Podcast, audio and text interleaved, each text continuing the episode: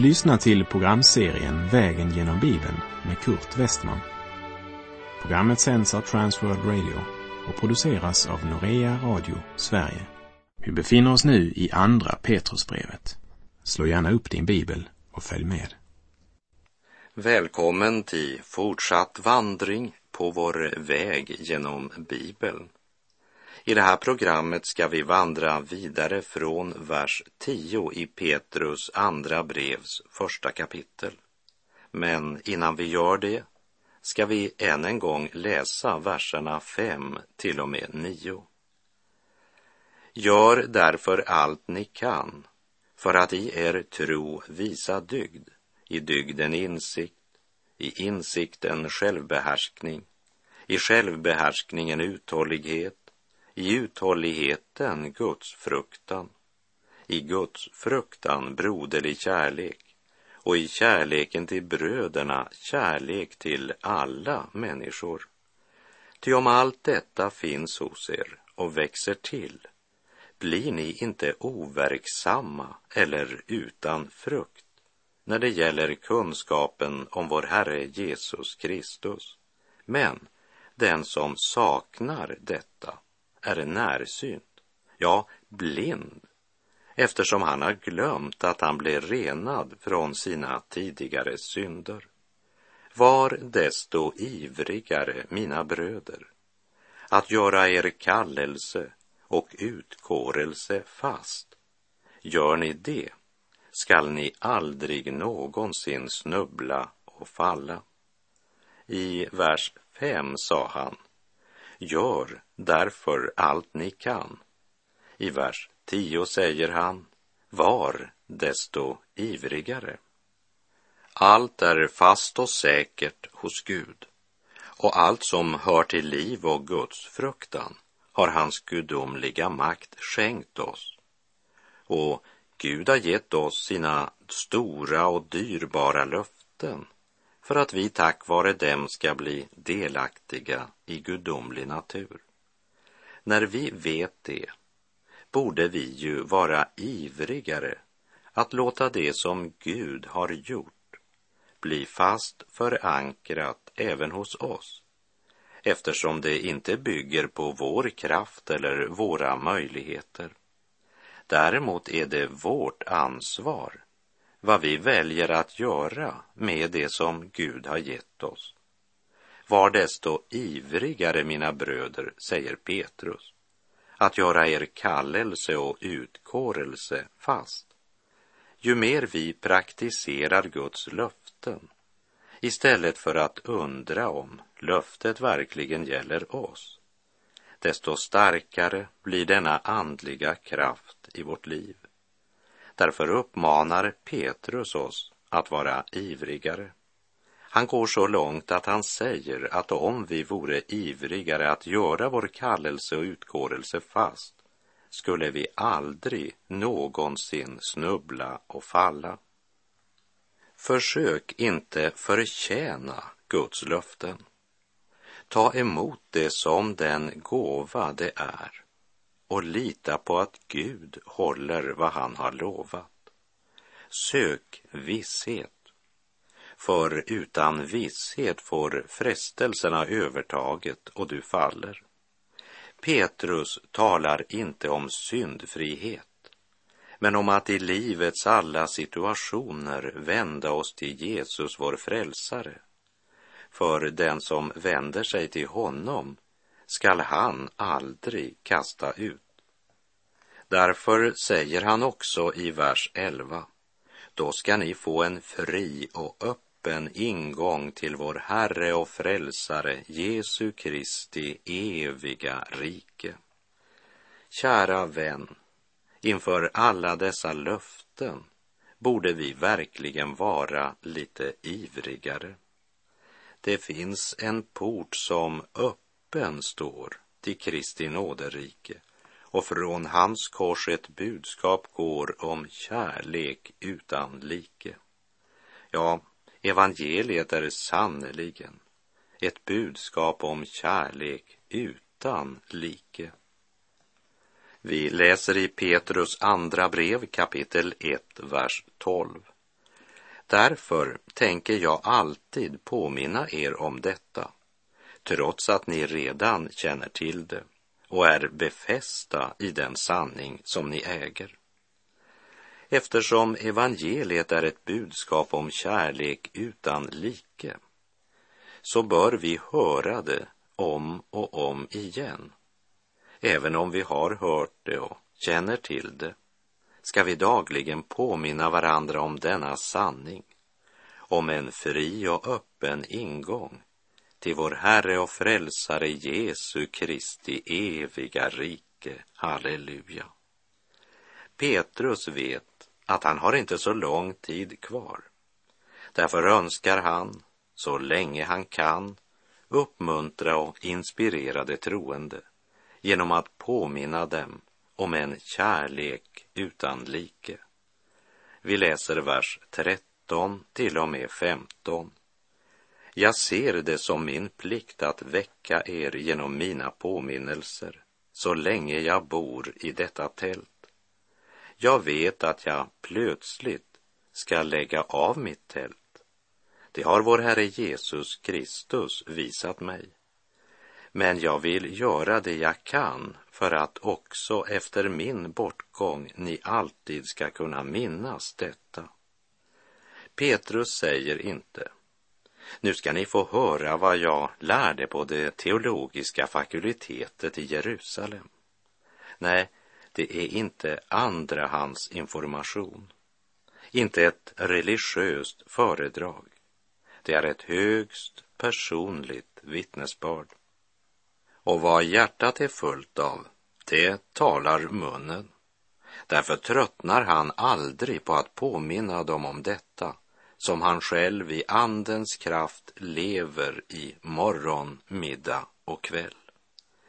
Så säger han att Jesus har talat om för honom att han plötsligt ska lägga av sitt tält, det vill säga han ska dö. Här tror jag att Petrus bland annat tänker på vad Jesus sagt till honom en tidig morgon vid Tiberias sjön efter sin uppståndelse. Jag citerar Johannes 21, verserna 18 och 19. Amen, amen, säger jag dig. När du var yngre spände du själv bältet om dig och gick vart du ville. Men när du blir äldre ska du sträcka ut dina händer och en annan ska spänna bältet om dig och leda dig dit du inte vill.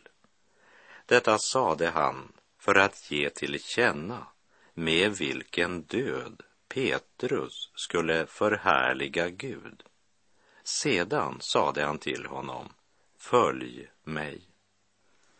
Och med det perspektivet för ögonen så förstår du nog varför jag kallar Petrus andra brev för Petrus svanesång eller Petrus avskedshälsning. Han vet att stunden har kommit. Och det en man säger, så att säga på sin dödsbädd, det bör vi ge akt på. Vi lägger märke till den fasta vissheten om att Jesus Kristus är frälsaren som utlovats i profetskrifterna. Hans vittnesbörd om Jesus står fast också inför döden. Här går mina tankar till Gamla Berg, en lekmannapredikant i Stavanger i Norge. De sista minuterna på sin dödsbädd så sa Gamla Berg Hälsa missionsvännerna från mig och säg att det håller det vi har predikat. Och sedan citerade han från en sång mitt hjärta i mig ler när jag min grav beser, ty min död är färjeman till livets sköna land. Och därefter andades han ut. Det sista Petrus gör är att än en gång påminna om det budskap han förkunnat efter Jesu uppståndelse. Det är som han inför sin förestående bortgång ville säga. det håller det jag har predikat. Därför repeterar jag det en gång till. När Petrus säger jag vet att jag plötsligt ska lägga av mitt tält så är det sin kropp han talar om. Stunden har kommit och anden ska skiljas från kroppen fram till uppståndelsens morgon. Paulus använder ju liknande uttryck när han i Andra Korinthierbrevet 5, de tre första verserna säger Vi vet att om vårt jordiska tält rivs ner så har vi en byggnad från Gud, en boning som inte är gjort med händer, en evig boning i himlen. Så länge vi bor i detta tält suckar vi därför och längtar att få ikläda oss vår himmelska boning. Ty när vi är iklädda den ska vi inte stå där nakna. Ett tält är ju inte så stabilt och varken Paulus eller Petrus byggde på sin egen kraft eller kroppslig styrka. De visste att våra kroppar på grund av syndafallet är lagda under förgängelsen. I Första Mosebok 2, vers 7 står det. Och Herren Gud danade människan av stoft från jorden och inblåste livsande i hennes näsa och så blev människan en levande varelse. När kroppen somnar in och läggs till vila i jorden så blir den åter till stoft. Men det är kroppen som sover, inte anden. Därför säger också Paulus i Andra Korinterbrevet 5, vers 8. Men vi är ändå vid gott mod och skulle hellre vilja flytta bort från kroppen och vara hemma hos Herren. Så talar både Petrus och Paulus om döden. Vårt bräckliga tält, kroppen, läggs ner i graven. Kroppen går till vila, men själen dör aldrig, utan skall återförenas med kroppen igen på uppståndelsens morgon, när alla människor ska möta sin skapare och avlägga räkenskap för sina liv. Jag vet att jag plötsligt ska lägga av mitt tält. Det kan ske när som helst, men det kommer inte överraskande på honom. För Herren Jesus har uppenbarat detta för honom. Petrus är redo att möta sin Gud. Det borde vi också vara, eftersom vi när som helst plötsligt kan bli tvungna lägga av vårt tält.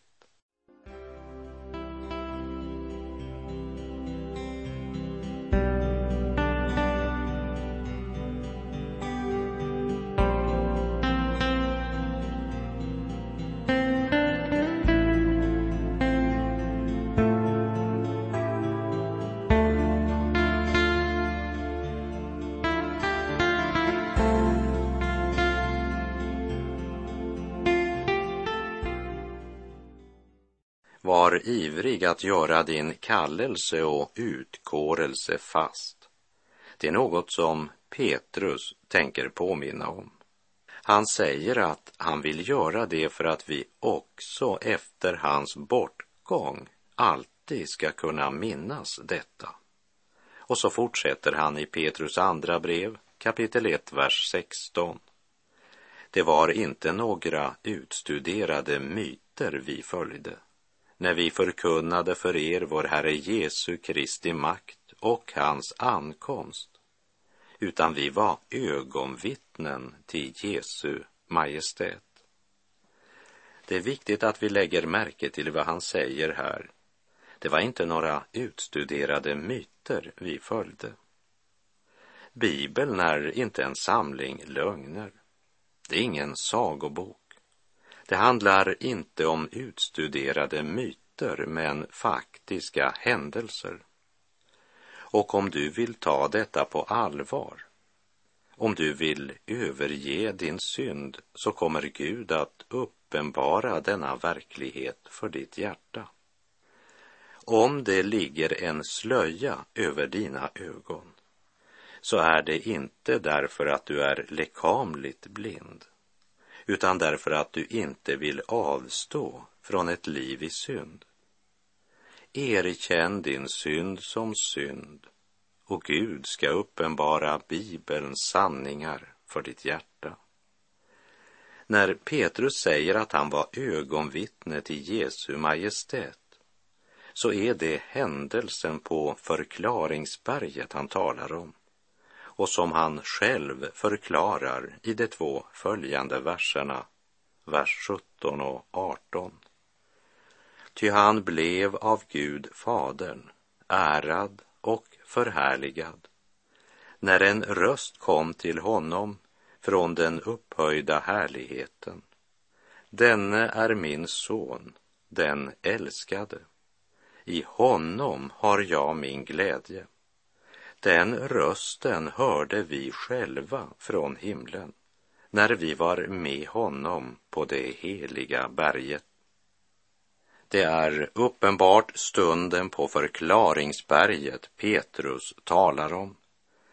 Och här tycker jag att det är viktigt att förklara att det är den händelsen Jesus tänker på när han i Matteus 16, 28 säger Amen säger jag er. Några av dem som står här ska inte smaka döden förrän de får se Människosonen komma i sitt rike. Och detta blev uppfyllt för apostlarna vid Kristi förklaring. Kristi förklaringsdag var en synlig illustration av Människosonen när han kommer i sitt rike. Förklaringen var en miniatyr, en illustration av riket. Och Petrus stadfäste det för oss.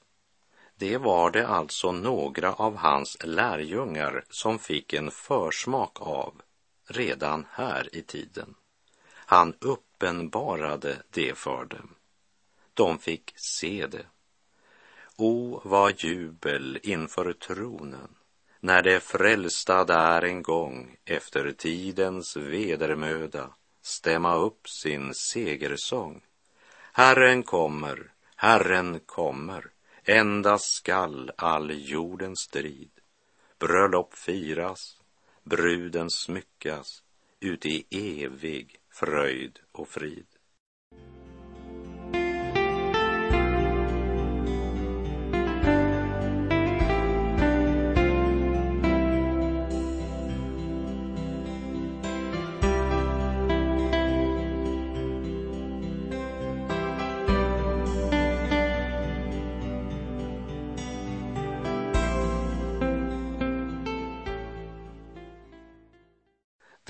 Var inte några utstuderade myter vi följde, sa Petrus. Det var inga myter när vi förkunnade om Jesu Kristi makt och hans ankomst, utan vi var ögonvittnen till Jesu Majestät. Vi hörde själva rösten från himlen när vi var med honom på det heliga berget. Det är inte andrahandsinformation. Vi läser Petrus andra brev kapitel 1, vers 19. Så mycket fastare står nu det profetiska ordet för oss.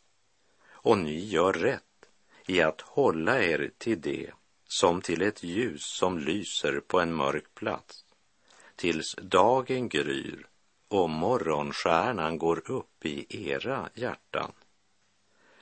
När Petrus här talar om det profetiska ordet så tänker han inte bara på förutsägelser om framtiden, även om han också inkluderar det. Men han tänker på hela Guds ord, allt som är skrivet. Det evangeliska budskapet om Herren Jesus Kristus. Paulus uttryckte det så här när han skrev till de troende i Rom. Ty allt som tidigare har skrivits är skrivet till vår undervisning för att vi genom den uthållighet och tröst som skrifterna ger skall bevara vårt hopp, som det står i Romarbrevet 15.4. Många troende säger, O, om jag hade fått se detta som Petrus fick se och vara med på förklaringsberget. Men min vän, du har något som är ännu bättre. Du har hela Guds ord. Guds ord är bättre än allt annat du kan se eller höra. Så mycket fastare står nu det profetiska ordet för oss och du gör rätt i att hålla dig till det som till ett ljus som lyser på en mörk plats tills dagen gryr och morgonstjärnan går upp i ditt hjärta, säger Petrus. Vi läser vers 20. Framför allt ska ni veta att ingen profetia i skriften har kommit till genom någon människas egen utläggning. Här har Petrus något han verkligen vill lägga oss på hjärtat. Det är något som vi framför allt ska veta. Och det har att göra med Guds ord. Eftersom det profetiska budskapet nu är blivit bekräftat genom uppfyllelsen av det som skett genom Kristi försoningsstöd och segerrika uppståndelse. Och vi har varit ögonvittnen till allt detta. Så står det profetiska ordet så mycket fastare, säger Petrus. I Matteus 24, vers 35 säger Jesus Himmel och jord ska förgå, men mina ord skall aldrig förgå. Och Petrus han avslutade ju sitt förra brev med orden Ty allt kött är som gräset och all dess härlighet som blomman i gräset. Gräset vissnar bort och blomman faller av, men Herrens ord förblir i evighet. Och här i sitt avskedsbrev säger han att vi framför allt ska veta att ingen profetia i skriften har kommit till genom någon människas egen utläggning. Och så fortsätter han, vers 21. Ty ingen profetia har burits fram genom någon människas vilja, utan ledda av den helige Ande har människor talat vad de fått från Gud. Bibelns gudomliga auktoritet, den ifrågasätts och betvivlas av den fallna människan. Hon har så svårt att godta något som skulle komma från en värld som hon inte kan registrera. Och hon gör sig fort till domare över skriften. Och det hon inte kan förstå, det bara bortförklarar hon och får därmed kvar en liten Gud som inte är större än människans förstånd. Men människan har ju inte skapat sig själv. Men hon tvekar inte för att förneka sin skapare. Men om människan i sin dårskap förnekar Bibelns auktoritet så borde någon tala om för henne att människans auktoritet förnekas av Bibeln. I Första Moseboks tredje kapitel förkunnar Guds ord att människan är en fallen varelse. Att syndafallet skilde henne från Gud och från sanningen så att hon inte längre kan skilja mellan sanning och lögn. Romarbrevet 3, vers 4 säger, låt det stå fast, att Gud är sann och varje människa en lögnare. Och hör vad Herren säger genom profeten Jesaja, kapitel 55, verserna 7 till och med 9. Den ogudaktige må överge sin väg, den orättfärdige sina tankar och vända om till Herren. Så skall han förbarma sig över honom och till vår Gud ty han ska skänka mycken förlåtelse. Se, mina tankar är inte era tankar och era vägar är inte mina vägar, säger Herren.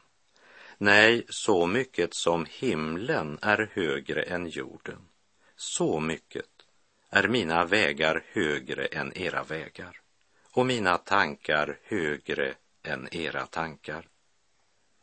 Gud säger att hans tankar är så mycket högre än våra tankar, som vad himlen är högre än jorden. Då kan man tala om höjdskillnad.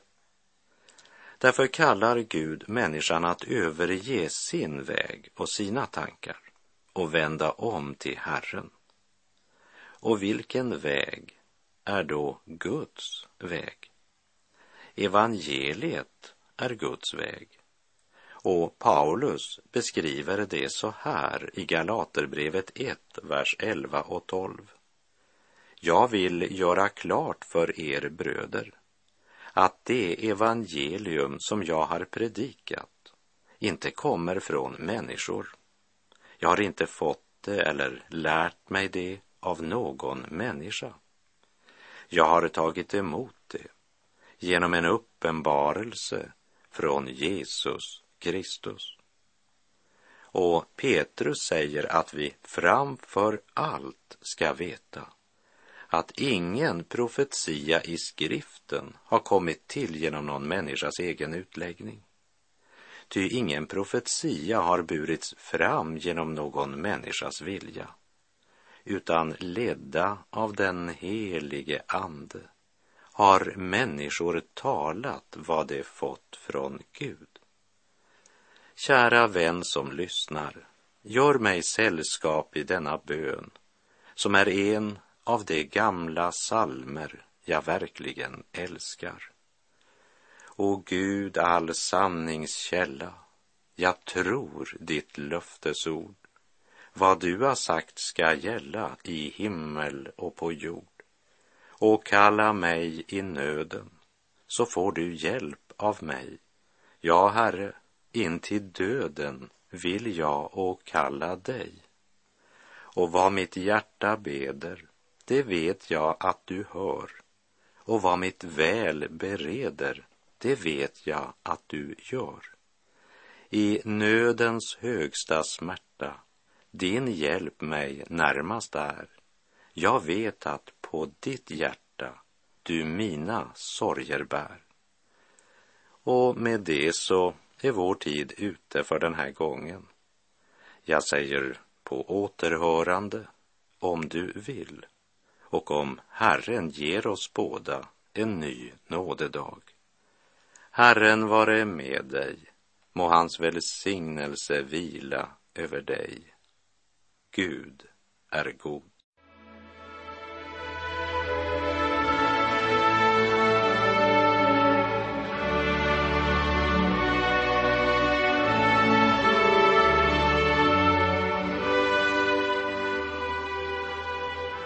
Du har lyssnat till programserien Vägen genom Bibeln med Kurt Westman som sänds av Transworld Radio. Programserien är producerad av Norea Radio Sverige. Om du önskar mer information om vårt radiomissionsarbete så skriv till Norea Radio Sverige, box 3419 103 68 Stockholm. Adressen är alltså Norea Radio Sverige box 3419. Postnumret 10368 Stockholm.